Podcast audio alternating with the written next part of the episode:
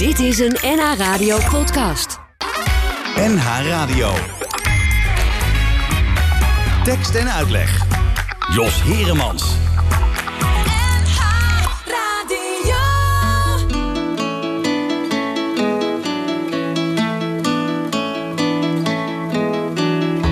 Suzanne neemt je mee naar een bank aan het water. Duizend schepen gaan voorbij. En toch wordt het maar niet later. En je weet dat ze te gek is, want daarom zit je naast haar. En ze geeft je pepermuntjes. Want ze geeft je graag iets tastbaars. En net als je haar wilt zeggen, ik kan jou geen liefde geven, komt heel stad tot leven. En hoor je meeuwen schreeuwen, je hebt steeds van haar gehouden. En je wilt wel met haar meegaan, samen naar de overkant je moet haar wel vertrouwen, want ze houdt al jouw gedachten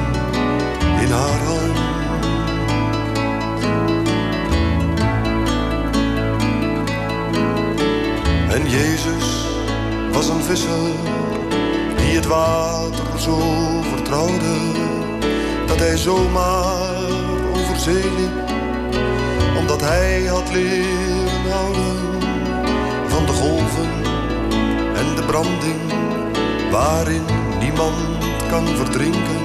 Hij zei, als men blijft geloven, kan de zwaarste steen niet zinken. Maar hemel ging pas open toen zijn lichaam was gebroken. En hoe hij heeft geleden, dat weet alleen die visser aan het kruis.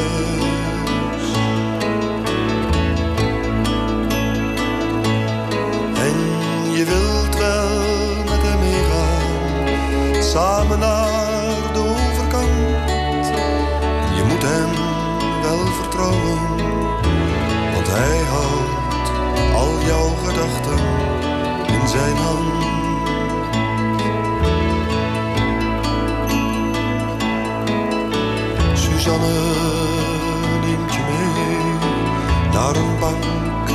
aan het water.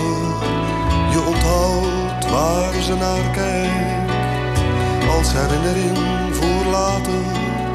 En het zonlicht lijkt wel honing waaraan kinderen zich te goed doen. En het grasveld ligt bezaaid met wat de mensen zoal wegdoen in de goot liggen de helden met een glimlach lippen en de meeuwen in de lucht lijken net verdwaalde stippen als Suzanne je lachend aankijkt. En je wilt wel met haar meegaan, samen naar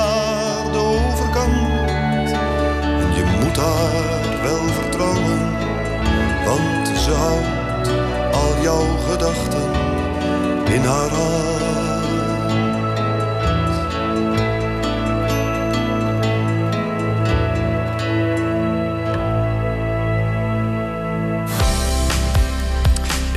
Ja, goedemiddag. Welkom bij uh, Tekst en Uitleg. En dat is een uh, heel bijzondere tekst en uitleg. Want we hebben iemand aan de telefoon die zich uh, bevrijdingskind mag noemen. 75 jaar geleden werd Nederland bevrijd. En 75 jaar geleden werd ook de schrijver van het nummer dat je net hoorde geboren. Dat is namelijk Rob Crispijn. En die hebben we nu via een miraculeuze telefonische verbinding aan de lijn. In het verre... Vledderveen, ja. In het verre Vledderveen. Waar ligt dat in godsnaam, Rob? Op de grens van Drenthe en Friesland. Oh, Oké, en is het lekker wonen daar? Stil, hè? Ja, het is heel Ik stil. bedoel, Eh, het was hier altijd al eh, lockdown eigenlijk. dus, dus qua besmetting zit je goed. ja, Tenminste, het risico dat loop jij in ieder geval niet. Eh, woon je daar al lang overigens? Vroeg ik mij af. nou, we hebben altijd ook in Amsterdam gewoond. En pas drie jaar geleden merkten we dat we zo vaak hier zaten in Vledderveen. Dat we dat hebben weggedaan. Dus eh, ja, eh, we hebben dit al 40 jaar in ieder geval. Oh, dat is al een tijdje zeg. He- heb, je, heb je dat gekocht van de opbrengst van je eerste eh, liedjes die je schreef? nou, kan je wel een beetje zeggen, ja. Ja, ja. ja want eh, waar we net naar luisteren, Suzanne van Herman van Veen... dat was eigenlijk eh, als tekstschrijver... eh, was dat voor jou natuurlijk eh, de grote doorbraak. Ja, maar dat was zo grappig. In die tijd, eh, ik geloof dat ik één interview heb gegeven. Dat, het was een totaal andere tijd. Het was niet zo hysterisch als het nu is. Dat meteen alles eh, via actualiteitenprogramma's of zo zich met iets bezig hielden. Want het was, voor die tijd was het een enorm grote hit. Ja. Stond wekenlang stond het eh, bovenaan in de top 40. En, maar dat ging vrij geruisloos allemaal. Dus Ja. ja, ja. Het, was, het was oorspronkelijk een nummer van eh Leonard Cohen. Ja. Eh, en eh, hoe ben jij ertoe gekomen om dat toen de tijd eh, te vertalen? Ik kwam heel vaak eh, bij mijn favoriete platenzaak. Dat was Concerto. Utrechtse in Amsterdam. Ja. En ehm, daar kwam ik iets tegen van Julie Collins. En daar stond een nummer op eh, van Leonard Cohen. Daar had ik nog nooit van gehoord. En ik was helemaal gek van dat nummer. Ik vond het zo prachtig. En eh, nou ja,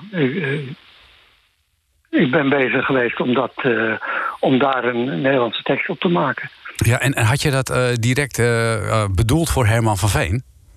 Nee, helemaal niet. Die kende ik helemaal niet. Oh. Ik, had hem, ik had hem één keer gezien op televisie.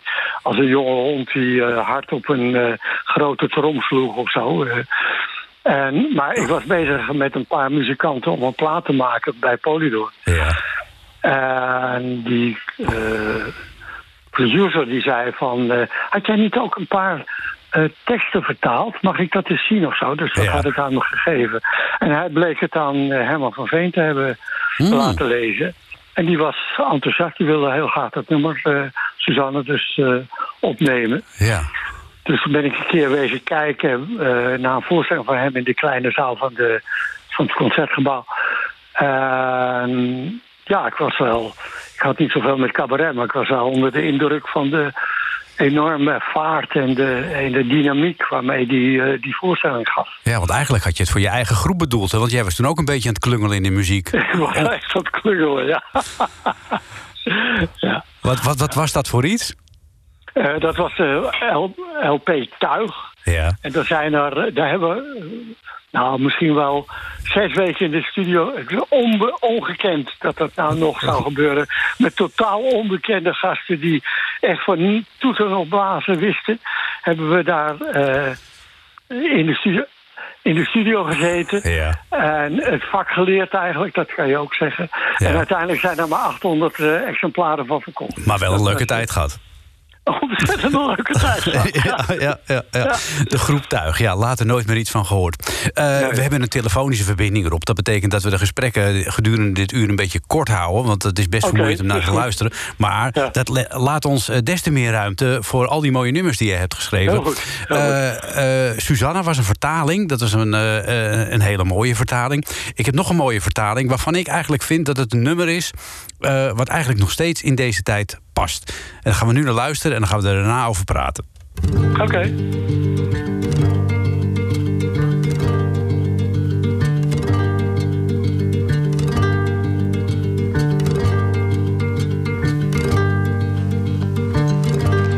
Toen de vijand is gekomen, als dieven in het donker, werd mijn land vertrapt. En liet ik alles achter.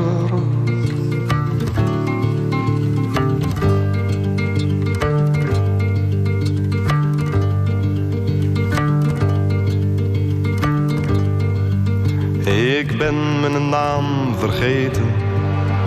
Ik heb vrouw en kind verloren.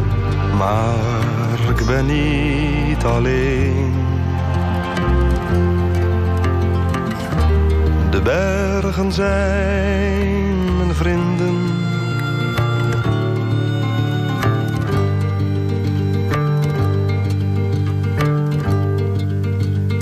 Een boerin heeft me verborgen onder kolen in de kelder toen de vijand kwam.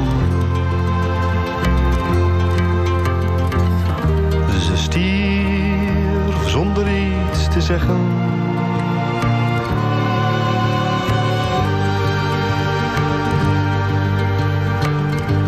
Voor wie vlucht is elke schaduw, een soldaat of een verrader. En er is steeds de angst die je nooit alleen laat.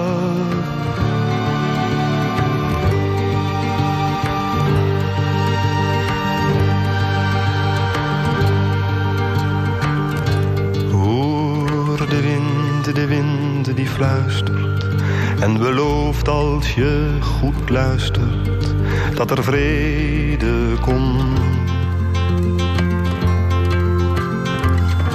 Misschien vandaag of morgen.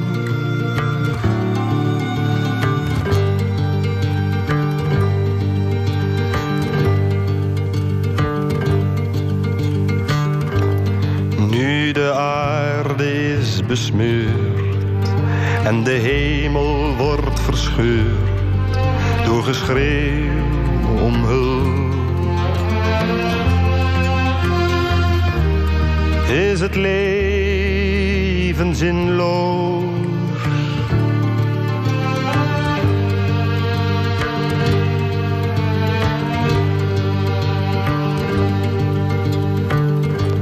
En in Warschau of in Praag, 1940 of vandaag, er is geen verschil. Voor wie op de vlucht is.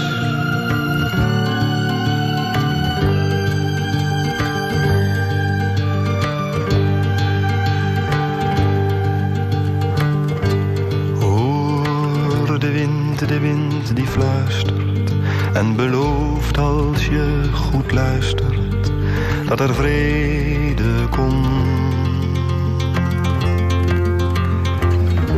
Misschien vandaag of morgen.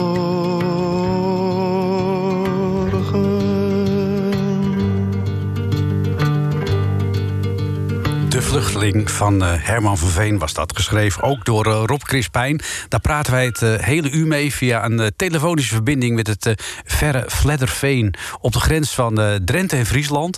En ja, Rob Crispijn, schrijver van vele mooie Nederlandse teksten.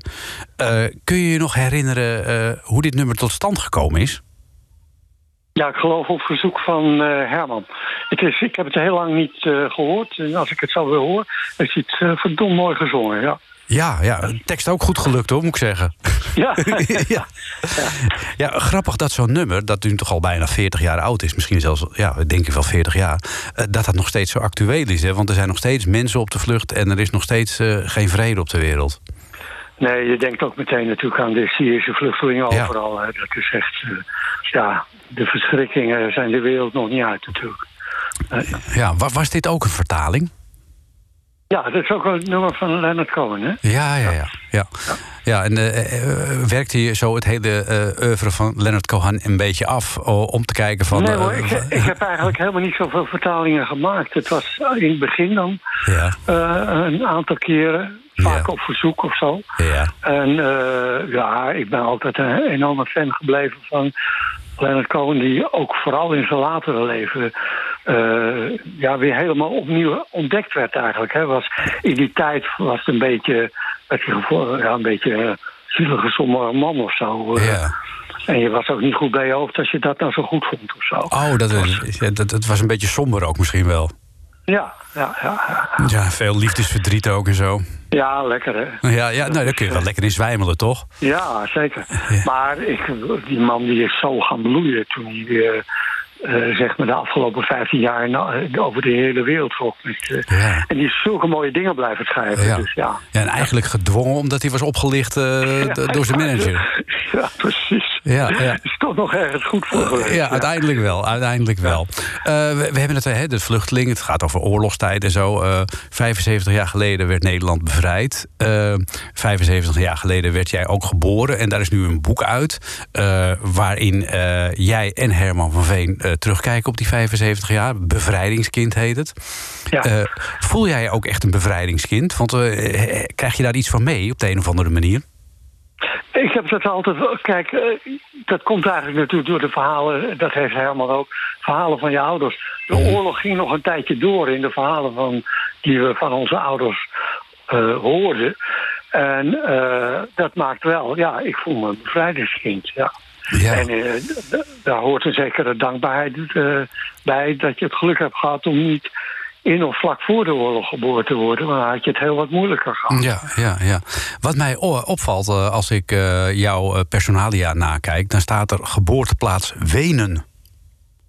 Dan denk Ja, ik, dat- hoe dat zo? Nou, dat is een verhaal. Mijn vader was bang dat hij voor de arbe arbeidseinsatz werd opgeroepen. Hè, dat hij moest werken, werk zou worden gesteld in eh, Duitsland. Want hij had geen werk meer op dat moment. Ja. En eh, hij zat in de filmindustrie, hij was cameraman.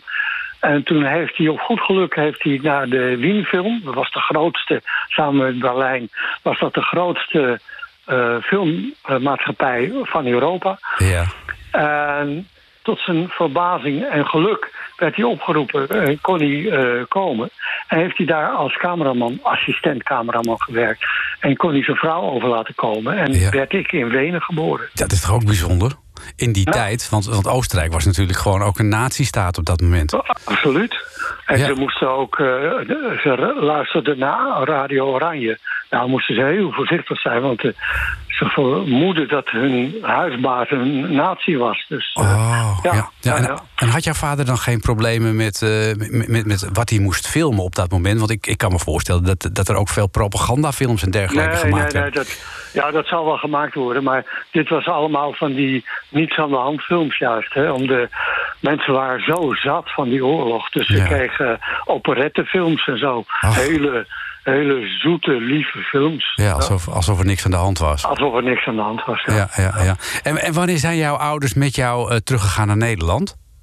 Ehm, zodra de Amerikanen en de Russen van beide kanten binnenkwamen... Ja. eh, en toen zaten ze in de Russische sector... Per ongeluk natuurlijk, dat was, daar had je niks over te zeggen. En toen zijn ze met een, eh, een kar met de schamele dingen die ze mee konden nemen... en mij erop, Ja. zijn ze naar de Amerikaanse sector gevlucht. Ja. Daar werd je eerst heel langdurig werd je daar gecheckt of je geen nazi was natuurlijk. ja. En toen vlogen ze terug naar eh, Parijs... Oh, En daar hebben ze nog drie maanden moeten wachten voordat ze terug konden naar Nederland. wat een toestand zeg. Ja, ja, En waar, waar eh, ben je toen uiteindelijk opgegroeid? Want dat, eh, ja, je moet natuurlijk weer Nou, ergens... eh, ik ben een paar jaar, maar daar weet ik weinig van, in Den Haag. Ja. En toen in Amsterdam in de Pijp. in de En pijp. dat weet ik heel goed. Dat was vlak bij de Amstel. Ja. En dan ging ik als klein jochie ging ik daar altijd... eh, probeerde ik eh stekelbaarsjes te vangen en zo. Dus, eh, Ja.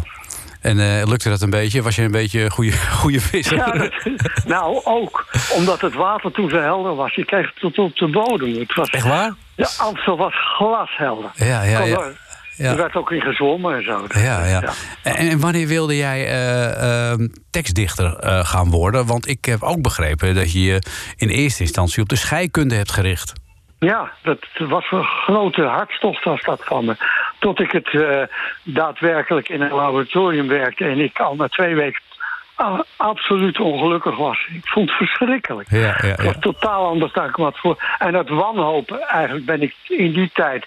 ben ik teksten gaan vertalen van eh, Bob Dylan. Ah, op die manier, zo is het een beetje gekomen. Ja, we, ja. we gaan zo weer verder praten. Ik, eh, Ja. We gaan nog naar één vertaling en daarna gaan we naar origineel werk van jou. En, Oké, heel goed. en ik, dat is het nummer Cirkels. Ehm, Kun je vertellen ehm, oh ja, hoe dat tot stand gekomen is en, en waar dat vandaan komt? Eh, dat was de tweede LP van Herman. Hij belde me op en zei dat hij dit nummer graag wilde opnemen. En dat het twee dagen later al de opname was. Oh, Nou ja, ik ben gewoon een verhaal aan het schrijven geweest eigenlijk. Ook de dingen die mij waarschijnlijk op dat moment uh, heel erg beroerden. Van een meisje met blonde haren en zo, daar was ik verliefd op. Ja. En uh, dat is dit nummer geworden. En hoe je erbij komt om als je 25 bent... Uh, er is geen medicijn tegen oud of eenzaam zijn. Ja, ik weet het ook niet, dat kwam eruit dan blijkbaar. Ach ja, Neil Young schreef toch ook allemaal van dat soort nummers. Old Man en dat soort dingen. Dus uh, het past er wel een beetje in de tijd, denk ik. ja, ja. Nou, we gaan er naar luisteren. Cirkels van Herman van Veen.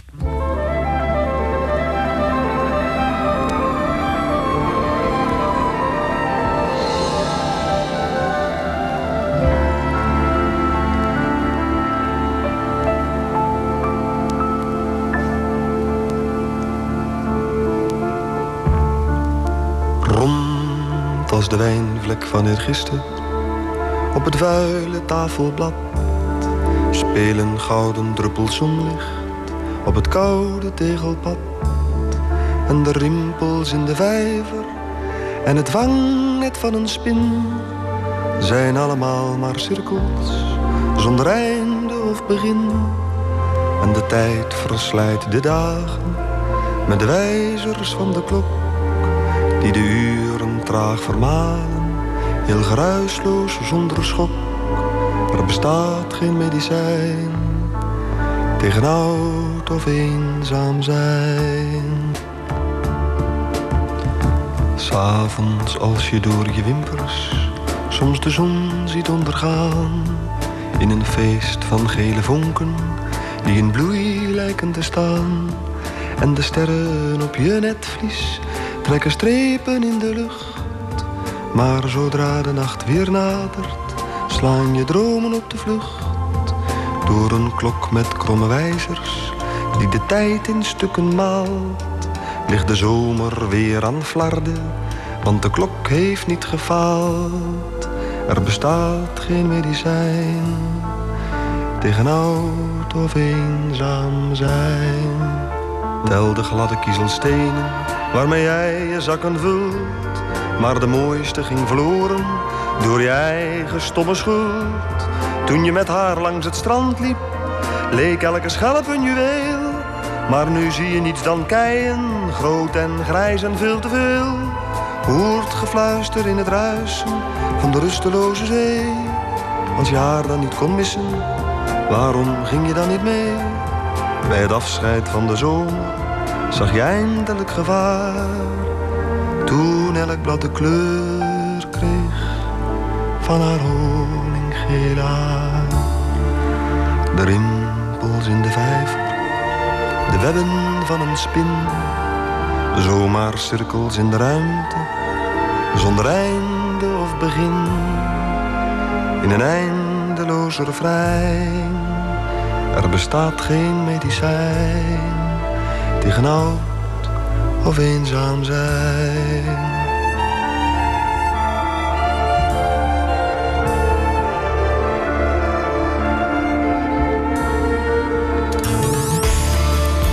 Tekst, tekst, tekst. En, en uitleg.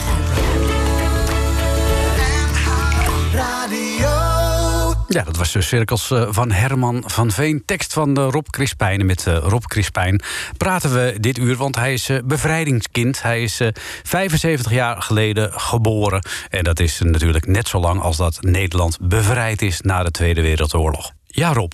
behalve voor Herman van Veen heb je natuurlijk ook voor heel veel andere mensen geschreven. want ja, hoe lang heb je voor Herman geschreven in totaal? 15 jaar echt achter elkaar. Ja. Dat het meeste wat er op platen kwam was toen voor mij. Ja. En later nog maar sporadisch. Toen ging je vaker met Wilm Wilmink werken. Ja. En nog veel later, en dat is tot nu, schrijft hij eigenlijk alleen nog maar zijn eigen materiaal. Ja, ja, ja. Was dat moeilijk om, om daar afscheid van te nemen? Ik kan me zo voorstellen dat als je een beetje de huisschrijver bent van zo'n fenomeen, dat je zoiets hebt van uh, uh, waarom houdt het op? Ja, dat was moeilijk. Zeker. Want je wordt toch opzij gezet. Dat, zo voelt het. Ook al ging dat in overleg. Tegelijkertijd kwam er ook wel iets van een opluchting. Want ik ging ook heel vaak met de voorstellingen mee. Ik heb een tijd lang eh, het, een deel van het licht gedaan bij de voorstellingen. Ja. Dus op plaats gaat het ook iets benauwends krijgen. En dat zal zeker ook voor Herman hebben geholpen. Dus dan is het ook wel weer prettig als er weer ruimte komt of zo voor andere dingen. Ja, en wat voor andere dingen ben je daarna gaan doen?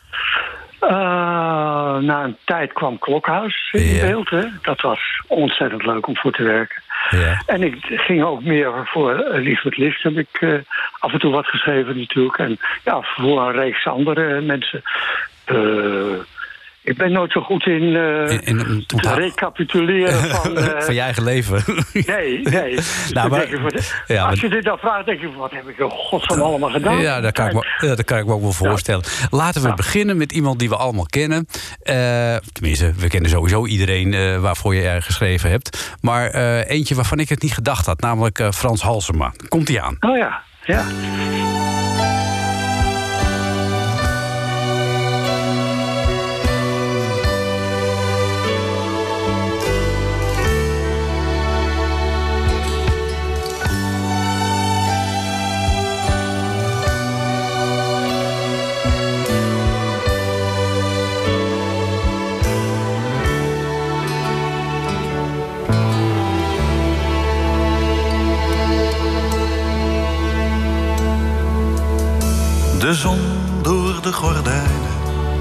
De naast het bed.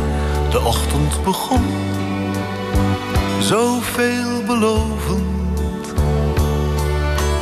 Opstaan, wassen, scheren en haastig thee voor je gezet. Leven is leuk, maar wel tijdrovend. Er ligt een hele waslijst van dingen om te doen. Als ik niet zo laat was opgestaan. Nu loop ik zo ver achter op mijn schema. Dat ik net zo goed maar weer meteen naar bed kan gaan. Als er iemand op de wereld is die mij de rust zou kunnen geven die ik mis. Als er iemand op de wereld is, dan ben jij het. Als er iemand op de wereld is, die mij bevrijden kan van franje en vernis. Als er iemand op de wereld dan ben jij het. Ja, dan ben jij het.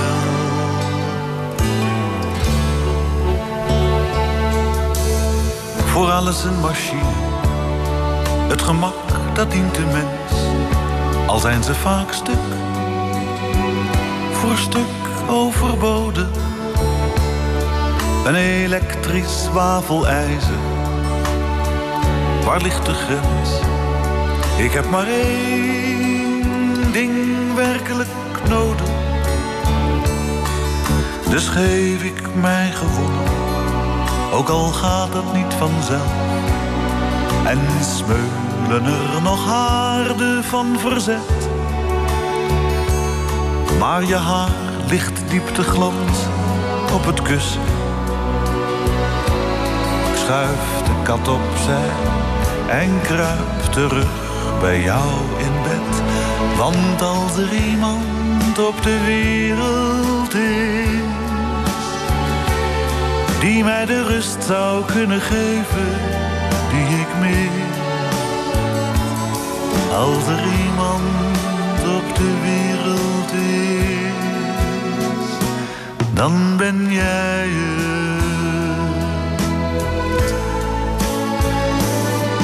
er iemand op de wereld is,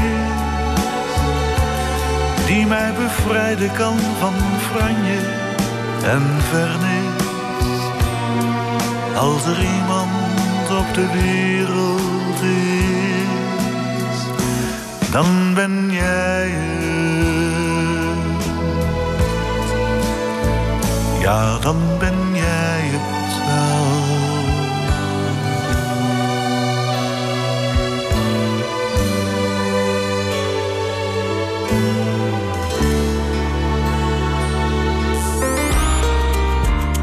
en uitleg. En uitleg. En deze tekst en uitleg staat helemaal in het teken van eh, Rob Crispijn. Hij is bevrijdingskind. Hij is namelijk 75 jaar eh, eh, geleden geboren eh, in Wenen. Daar hebben we het net over gehad. Eh, daarna verhuisd eh, naar Amsterdam. Vervolgens eh, scheikunde gaan studeren. Ook eh, als scheikundige aan de slag gegaan. En uiteindelijk tekstschrijver geworden. eh, onder andere van Herman van Veen. En ook van dit nummer, Als er iemand op de wereld is. eh, gezongen door Frans Halsema. En eh, we hebben verbinding met Rob in het verre Vledderveen. En eh, ja, Rob... dit eh, nummer van Frans Halsema, als er iemand eh, op de wereld is, dat is ook weer een liefdesliedje. Volgens mij eh, was dat jouw sterke kant. Ja, misschien. Tijd dan. Ja, toch? Ik, bedoel, ik, ik was zelf een beetje in, in de leeftijd dat je van de ene verliefdheid naar de andere ging. Ja. Dat de teksten van Herman van Veen tot mij kwamen. En dat sprak mij wel aan. Kun je je daar iets bij Ja. voorstellen? Ja, tuurlijk. Ja. Eh, eh, Hoe komt Ja. het dat, dat, dat je daar zo vaardig in was? Was jij zelf ook altijd verliefd? Of tenminste, ja, eh, dat vaak? kwam nog alles voor, ja. Ja. Ja. ja, dat schrijft ook wel lekker dan, hè? ja. En, en hoe- ja, vertel verder. Sorry, ja, ik val je in de reden. Nou, als ik nou die stem weer hoor van eh, Frans Halsema... wat een ontzettende lekkere stem is dat. Ja. Erg jammer. Want ik kwam eigenlijk... hij belde mij met de vraag of ik iets voor hem wilde schrijven. Maar eigenlijk was dat een beetje te laat, want... eh, we hadden veel meer kunnen samenwerken als hij niet eh, eh, zo ziek was en Ja. eh, ge- gestorven is. Ja. Maar was dit eh, een lied in de laatste fase van zijn leven? Ja, ja. Hij heeft toen nog...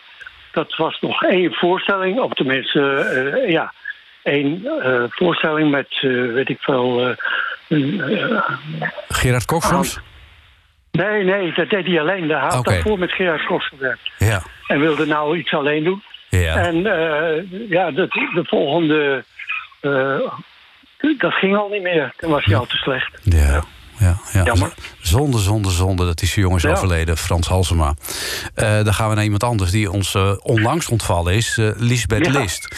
Ja. Kinderen een kwartje. Ja, dat is weer een hele andere koek dan een liefdesliedje.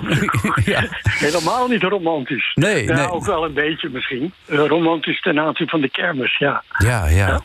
Eh, wa- waar heb je toen uit geput uit je eigen verleden dat je vroeger naar de kermis ging? Eh, ik ben met mijn vrouw ben ik naar eh die kermis in Alkmaar gegaan, omdat ik wist dat ik dit nummer moest schrijven. Ja. Want dat was een. Eh, ik ben nou even die naam van die gasten, eh, die produceerden dat. Ja. En die hadden de muziek al klaar. Die zegt: kan je hierop eh, muziek maken? En dat vond ik echt ja, een beetje kermisachtig soort muziek. Dus dat is Kinderen een kwartje geworden, ja. Nou, een enorme hit geworden ook, hè? Ja, ja. Ja.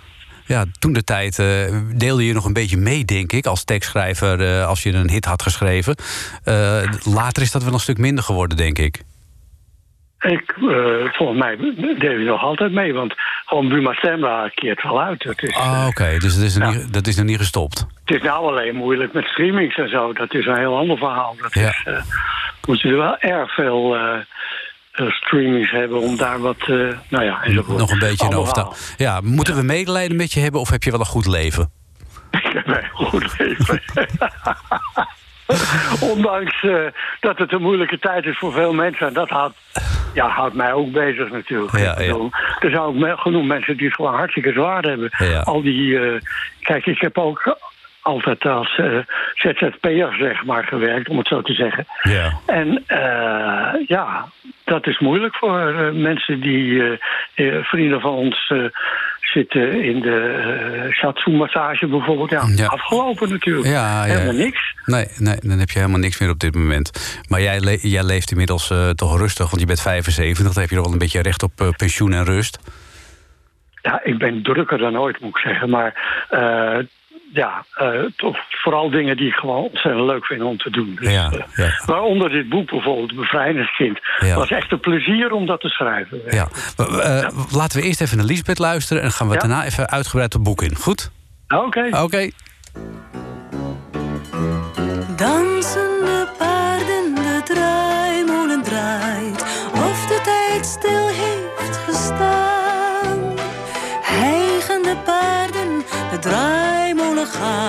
langzamer lopen. De baas van het spul schreeuwt zijn keel schor. Hij wordt ouder.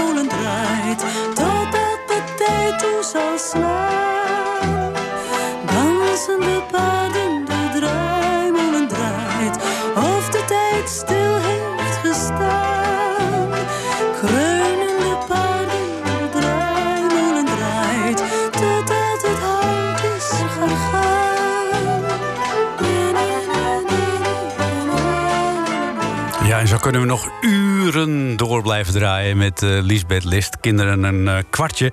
Teksten van eh, Rob Crispijn in deze speciale bevrijdingstekst en uitleg. Met een bevrijdingskind. En dat bevrijdingskind is dus Rob Crispijn. Eh, daarvan is ook het boek uitgekomen onlangs. Samen met Herman van Veen. Bevrijdingskind. Eh, want dat zijn ze alle twee. 75 jaar oud. 75 jaar bevrijding. Eh, het past heel mooi samen. En we hebben een, een mooie verbinding met Vledderveen... waar Rob Crispijn woont en resideert, mogen we wel zeggen. Rob, ja, Bevrijdingskind, dat boek. Wa- wa- wat staat daarin? Het was het idee van Herman om een soort ja, vogelvlucht eh, van je leven te maken via de liedjes die je eh, al die tijd hebt gehoord op de radio. Dus niet eigen liedjes, maar we hebben het wel over liedjes van anderen. Dus eh, van heel vroeger via Lin, Maar Ja. ook van Kendrick Lamar, of van ABBA, of van John Lennon. En echt onze helden ook. De, natuurlijk Leonard Cohen. Ja, ja. Dus daar zeggen we wat over. Ja, en, en wat zeggen jullie er dan over? Want eh, kun je je bijvoorbeeld nog voor de geest halen wat het eerste lied was eh, wat bij jou eh, een enorme indruk heeft gemaakt, waarvan je dacht van wow, wat is dit? Ja, dat moet haast wel. Ik zou het zo niet weten, maar moet haast wel van Bob Dylan eh, zijn. Ja. Toen ik dat voor het eerst hoorde, eh, ik denk dat hele lange nummer, eh, Desolation Row. Ja. Dat, was, eh, dat duurde elf minuten, dat alleen al Zo. was ongekend in die tijd. Ja. En eh, dat was voor het eerst dat iemand zo achterlijk was om gewoon zich niet meer te storen aan de lengte die eh, op de radio werd gedraaid. En ik kreeg, via mijn broer kreeg ik dat te horen van de import uit eh, Amerika. En ik was verbijsterd. Ik was echt helemaal. eh, ja, nou, zoals meer mensen dat hebben gehad met, eh, zeker ook met Dylan, is dat de wereld een klein beetje daardoor veranderde. Ja. Ja, ja, ja. En eh, ja, het is een reis langs jullie muzikale ervaringen. Liepen die muzikale ervaringen van jou en Herman van Veen parallel? Of had jij een heel andere smaak dan Herman?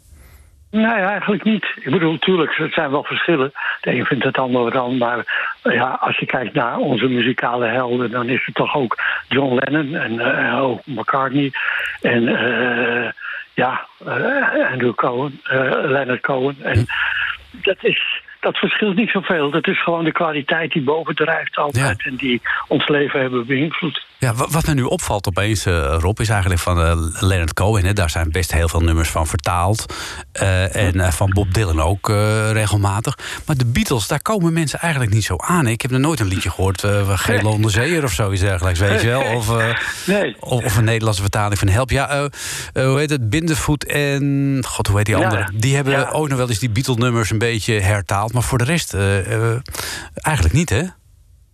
Nee, dat klopt. Eh, ik heb ooit een nummer vertaald van Lennon. nee, hoe heet die man? Paul McCartney. Ja. En, maar het probleem is ook wel een beetje dat ze alles hebben afgeschermd en dat je nooit toestemming krijgt eigenlijk Ah. om iets eh, op de plaat te zetten. Ah, Of je vandaar. mag het wel doen, maar je krijgt er sowieso geen geld voor. Ah, Oké, ja, ja, ja, ja, ja, dan wordt het alweer Dus een dat, stuk... eh, dat maakt het minder aantrekkelijk. Maar ook wel, denk ik, doordat het verdomd moeilijk is om op die hele compacte teksten die ze hebben geschreven, om daar iets te maken wat net zo goed is. Ja. Of ook maar in de buurt komt. Dat zal wat zijn. Hè? Ja, ja, ja, zeker, zeker. Wat is jouw favoriete Beatle-nummer overigens? Nou, dat was vroeger altijd Girl. Dat was echt een romantische tijd toen.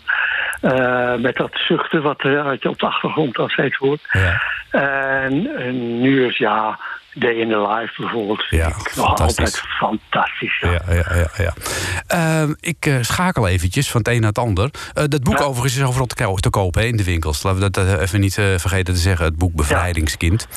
Ehm, ja, eh, jouw hele muzikale reis met Herman van Veen door de 75 jaar staat daarin. Eh, een eh, zanger in Nederland eh, die ook eigenlijk wel tot ieders verbeelding spreekt... en waar jij ook mee hebt samengewerkt, is Stef Bos. Hoe is Ja. die samenwerking tot stand gekomen?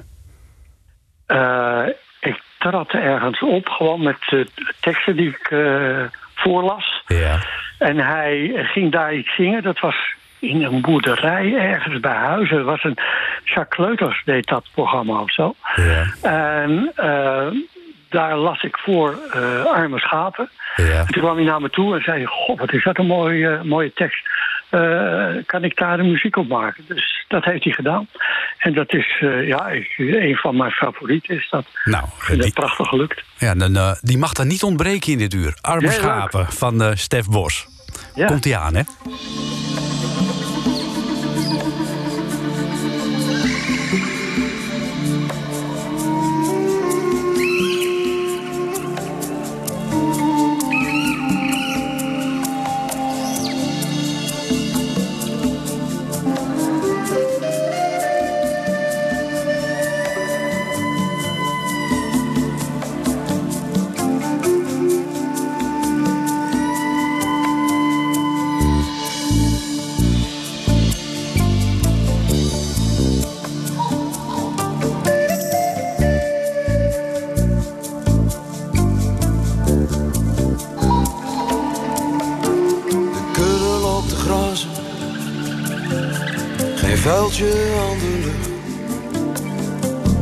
Vullen traag hun maag, totdat het daglicht vlucht.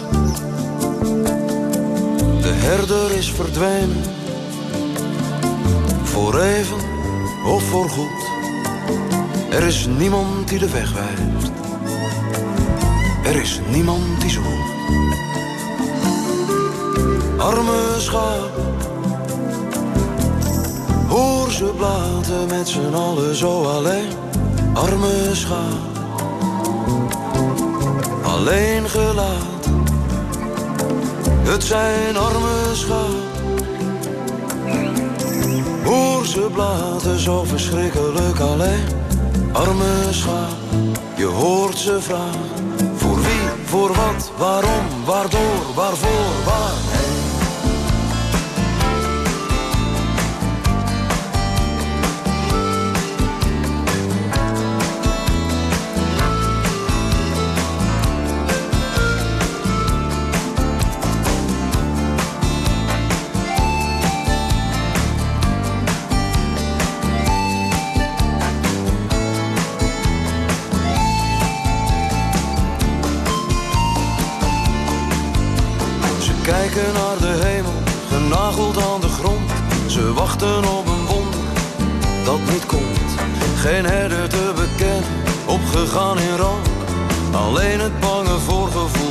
Ze op de loop.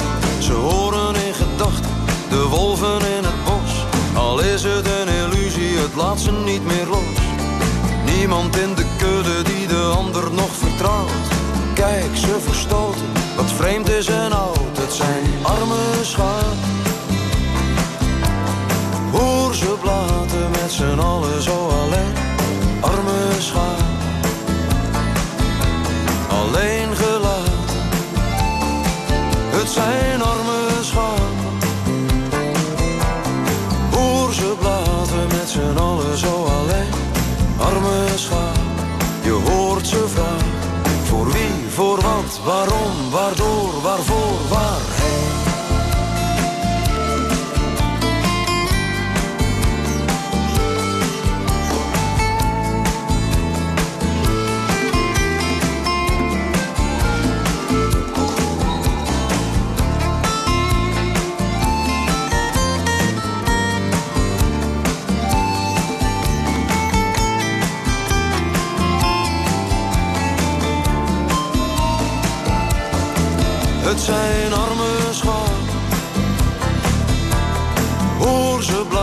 Zo verschrikkelijk alleen.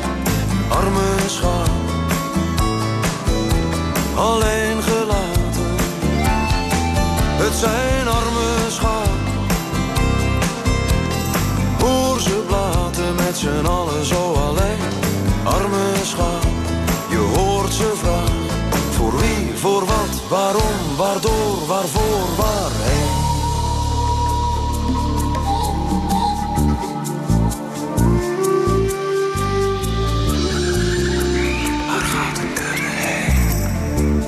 Ja, waar gaat de kudde heen? Dat vraagt eh, Stef Bos zich af in dit nummer eh, Arme Schapen van eh, Rob Crispijn. Dat weet Met niemand. onheilspellende, onheilspellende oerwoudgeluiden. Ja, Ja, dat, kun- dat kun je wel zeggen, ja. Weet je nog wanneer je dit nummer voor het eerst hoorde... toen het op muziek was gezet door Stef Bos, Rob? Ja, ik was naar een voorstelling van hem geweest. En toen zei hij na afloop, hij zegt... ik heb hier geen goede apparatuur. Kom even mee, gaan we even in de auto zitten. Ja. En toen eh, draaide hij dat. Dat was alleen nog maar de, eh, de werkband, zeg maar. Eh, hij had een hele goede muzikanten had hij om zich heen. En Ja. Nou ja, ik werd er zo ontzettend blij van. Dit was wat je hoopte. Weet je wat, dat onheilspellende arme schapen. Die, ja, ze kunnen er ook niks aan doen. Maar ze zijn dodelijker misschien wel dan de wolf zelf of zo. Weet je. Dus eh, ja, nee, prachtig was dit. Ja, ook, ook wel een mooi tijdsbeeld natuurlijk. Hè, wat altijd weer terugkomt van het volk dat Ja. achter de leider aanloopt... en eigenlijk Ja, helemaal niet ja, weet wat het overkomt. Nee, precies. Ja. ja, voorbeelden genoeg. Hè? Ja, dat kun je wel zeggen. Ja. Zeker, Ja. eh, zeker op dit moment eh, in Europa en ook, eh, ook daarbuiten natuurlijk. Ja, ja. Jee, Rob, de tijd begint alweer een beetje te dringen. We hebben nog een minuut of vier en we hebben niet al te veel... ja, we hebben nog zoveel materiaal wat we van jou kunnen draaien. Ik denk dat ik daar nog eens een keertje een heel uur mee ga vullen. Maar dat, ja, dat kan ik nu even niet doen. Dus ik wil eigenlijk... ja, ik moet het hele klokhuisverhaal... wat we eigenlijk nog wilden doen... dat moeten we toch eventjes overslaan. En eh, ik wil eigenlijk eh, met jou eindigen met een nummer dat je onlangs op eh, YouTube hebt gezet. En op Facebook. een lied over vrijheid. Hoe, hoe, hoe Ja. zit dat in elkaar? Nou ja, eigenlijk door te werken aan Bevrijdingskind, hè, het boek, kwam dat weer zo terug. Ook die ontroering over wat er toen gebeurd is. eh, die landing in Normandië.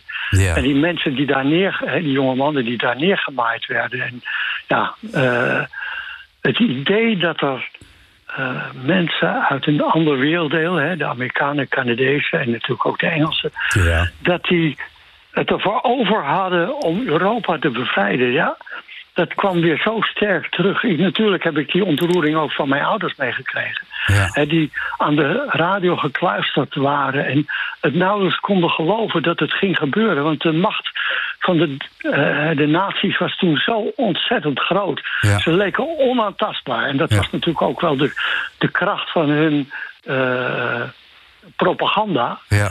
En het was, maar het was ja, echt een bevrijding was het. Ja. Ja, ja. Nou, dan gaan we daarmee afsluiten, Rob. Eh, ik vond het heel fijn je gesproken te hebben. Ja. En eh, nou ja, eh, 75 jaar Rob Crispijn, 75 jaar bevrijding. We hopen dat we nog heel lang in vrijheid mogen leven... en dat jij daar Ja, ook heel lang nog van mag blijven genieten. Dat hoop ik ook, dankjewel. Gaan we nu luisteren naar Vrijheid. Rob Crispijn, begeleid door zijn buurman, toch? Zo was het. Ja, Ja. ja. Jan Borger. Jan Borger. Ook hulde aan hem. Oké, dankjewel Rob.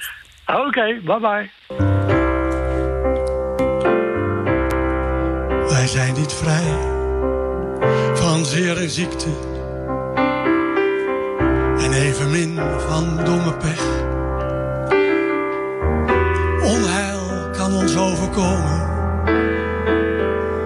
Haat en heibel zijn niet weg. Maar ooit zijn we bevrijd en terreur van concentratiekampen en van willekeur.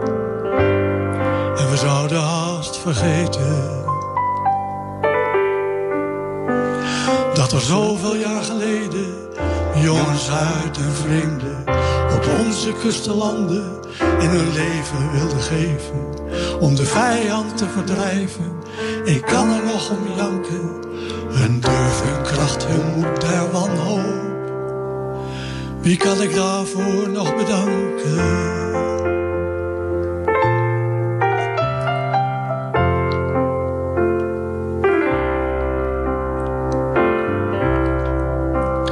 Wij zijn vrij om te schreeuwen dat het allemaal niet deugt. Dat Europa een vergissing is, soort bemoeial voor de jeugd.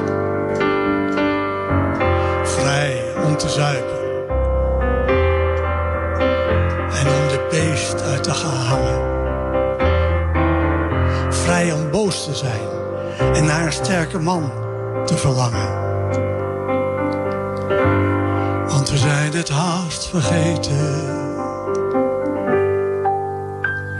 Dat er zoveel jaar geleden jongens uit en vreemden op onze kustenlanden en hun leven wilden geven om de vijand te verdrijven.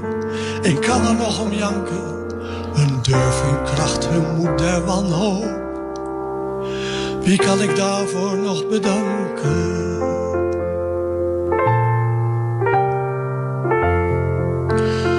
Alleen door twee minuten stil te zijn en eventjes te janken.